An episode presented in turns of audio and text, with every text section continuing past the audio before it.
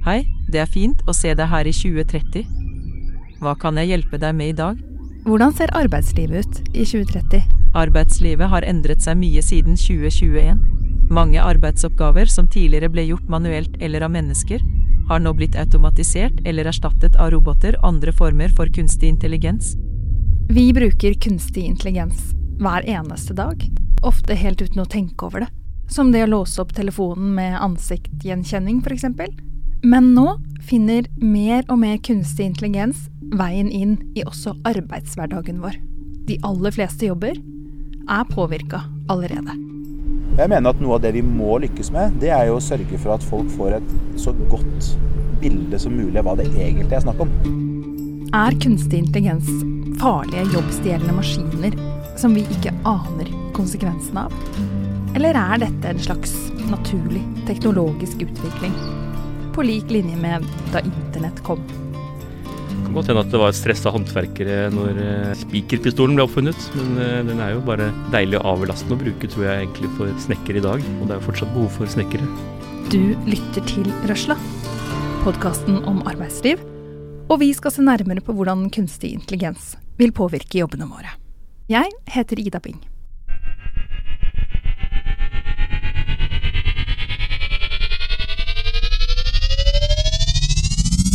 Du har hørt det før.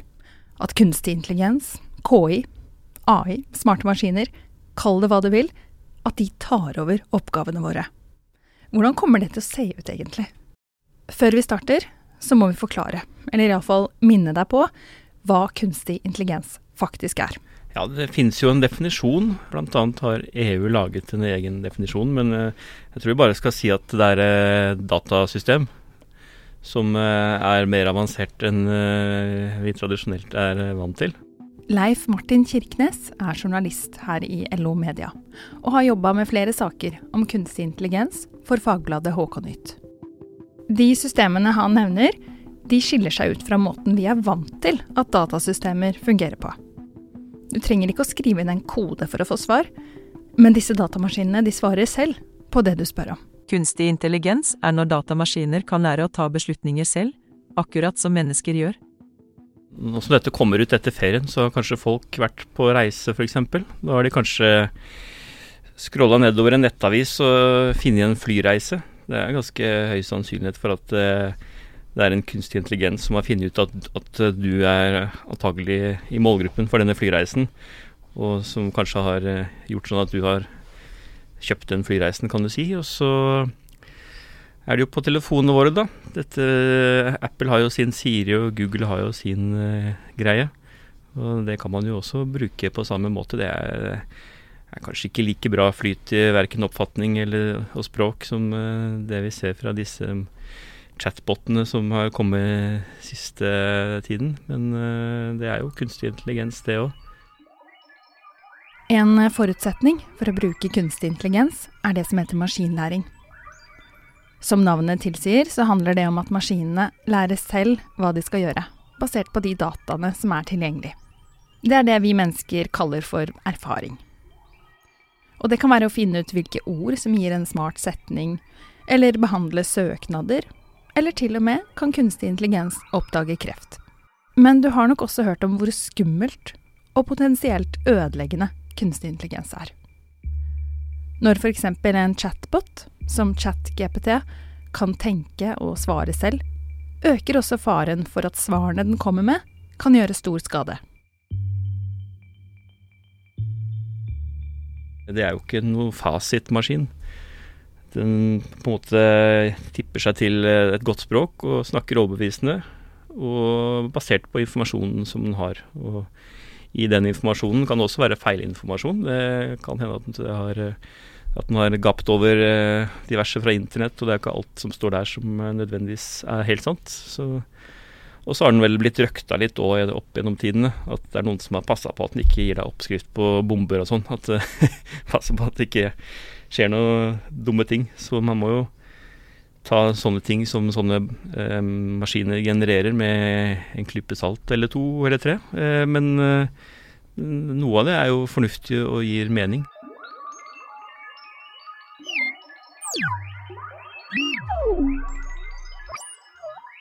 Den kjente tech-kommentatoren Torgeir Waterhouse, innehaver av rådgivningsselskapet Otte, mener at kunstig intelligens kan løse mye.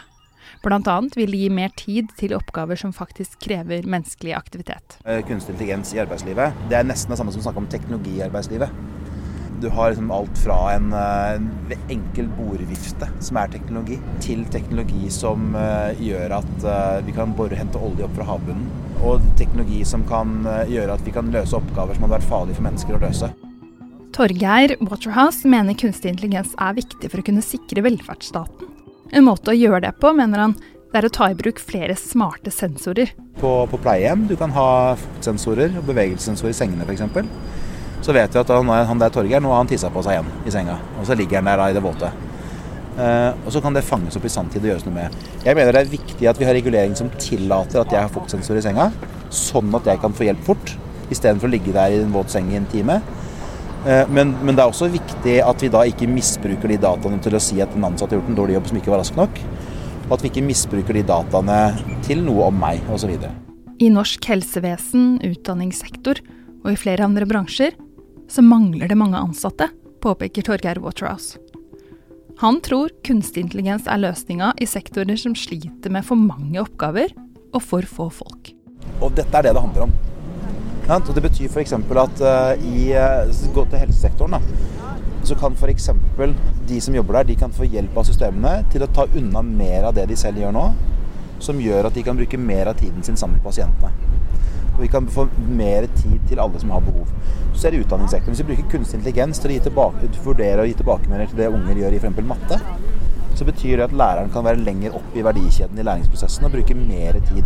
Vi vet at en lærer eh, typisk bruker ett minutt per oppgave på rett, altså retting i matte. Og det er klart at Hvis du kan tenke deg at kanskje 90% eller kanskje 100% av den rettingen gjøres av en maskin, da, av det som foregår i sanntid, da, som gjør at alle ungene kan få tilbakemelding med en gang istedenfor å sitte og vente på læreren, så kan læreren bruke tiden sin på noe annet. Så du kan satt på spissen, eller tabloidisert opp, så kan du si at da bruker læreren tiden sin sammen med eleven istedenfor sammen med papirbunken.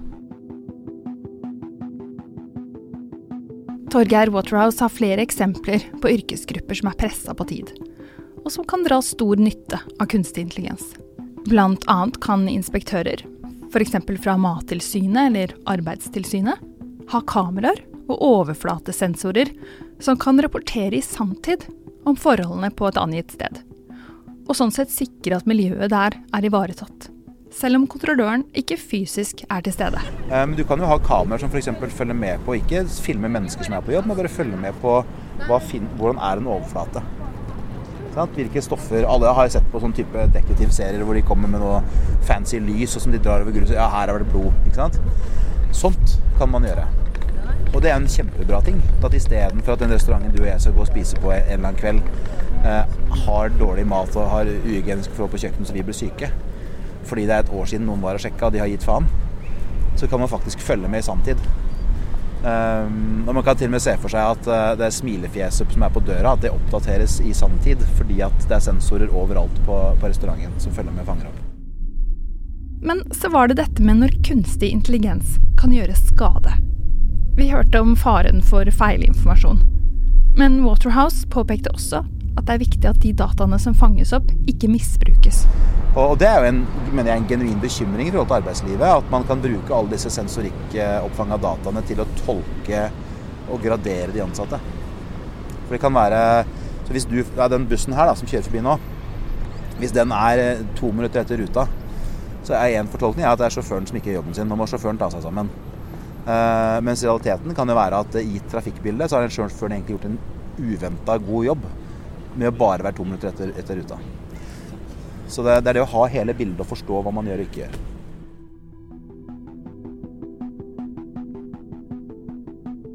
I vår så skrev noen av verdens fremste teknologieksperter under på et opprop mot utviklinga av kunstig intelligens.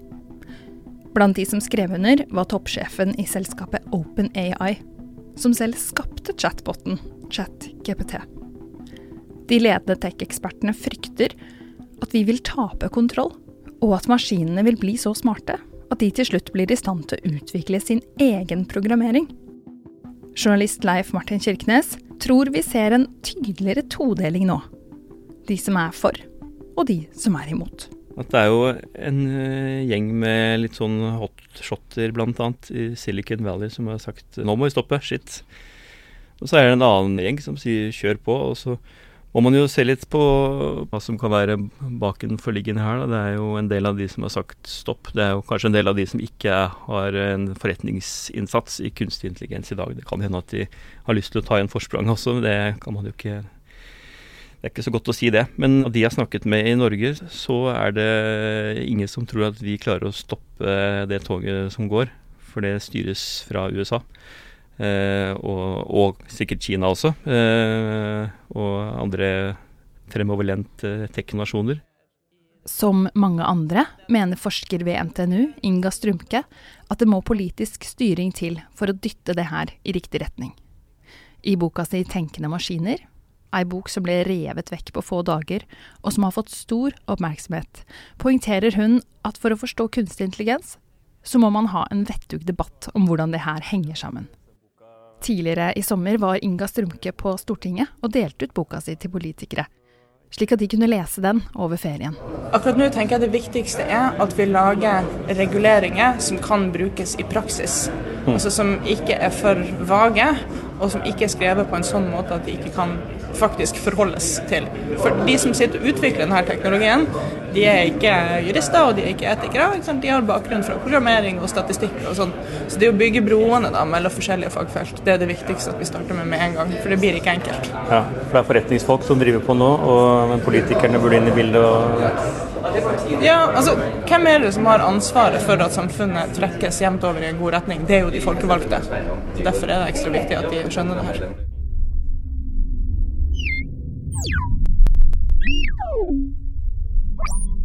Vi må skjønne hvordan vi kan bruke kunstig intelligens. Og da må vi forstå, sånn virkelig forstå, hva det er, sier Inga Strymke. Folk ser nok for seg litt forskjellig når det kommer til kunstig intelligens. Og fortsatt er det såpass vagt for mange hva denne teknologien kan brukes til. Men det vi kommer til å se mer av, det er ikke bare botter som skriver og tenker selv, men det er faktisk roboter som gjør noe. For eksempel eh, så vil jo roboter, fysiske roboter, kunne hjelpe til i bygningsarbeid. Og det kan være også kanskje fint for de som jobber der. F.eks. hvis du er elektriker som står hele dagen med en boremaskin i armen og borer opp i et tak for å bore hull til noe greier. Så vil det være veldig slitsomt for både rygg og skuldre og i det hele tatt. Og hvis du da kunne hvis du da kunne isteden kanskje gå med en sprittusj og sette merker der hvor du vil at det skal bores, og så kommer en slags borerobot og fikser det, så slipper du liksom å stå i timevis og, og få rist både hendene og vondt i skulderen og dårlig rygg, og kanskje måtte slutte i yrket i en alder av 40, som mange elektrikere gjør da. Når det gjelder eh, andre ting, så sier vel eh, både ChatGPT og andre, andre noen diverse mennesker at bl.a. kundeservice kan eh, bli eh, et område hvor kunstig intelligens kan komme inn. Og da snakker vi om da disse chatbotene. At uh, når noen kommer inn og spør ja, du er litt forsinka med regningen her, sånn skriftlig. At du, da, at du da får kanskje et litt mer vettugt svar som gjør at du kanskje kan uh, løse problemet, istedenfor at du da må bruke de neste tre timene på å prøve å finne et telefonnummer så du kan finne et menneske å prate med, og så må svare på ti spørsmål når du ringer for å komme inn til den fysiske kunderådgiveren.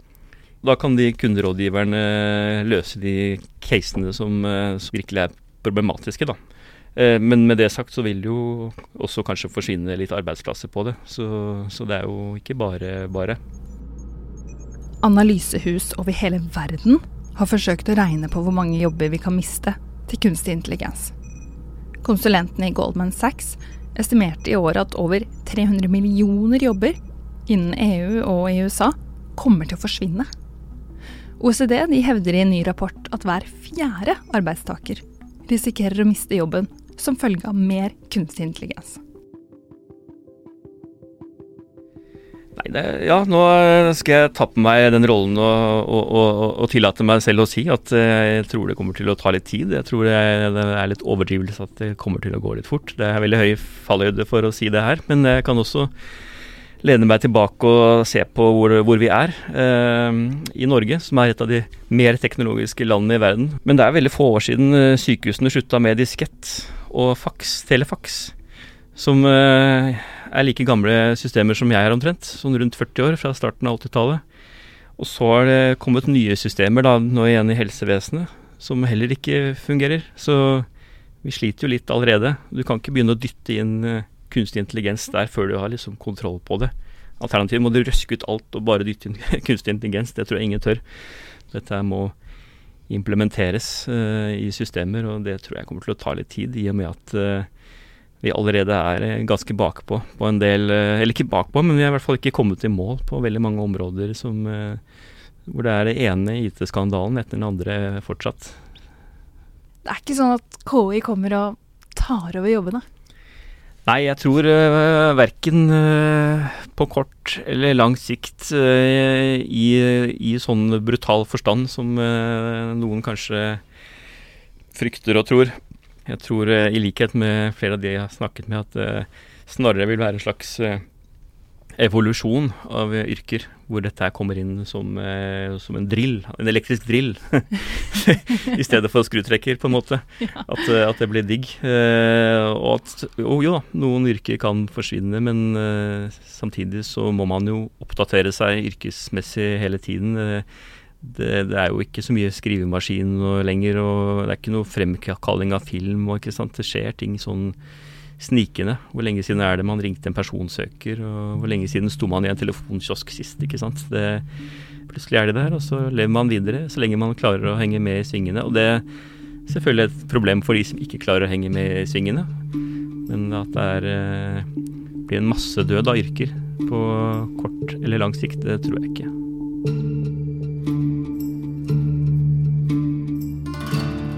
Du har hørt Røsla en podkast fra Fri fagbevegelse.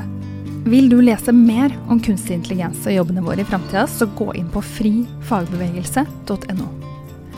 Denne episoden er laget av Leif Martin Kirkenes og meg, Ida Bie. Kjenningsmusikken vår er laget av David Ashak Ramani og Hans Kristen Hylve. Og det er Tore Rysdalsnes som er ansvarlig redaktør.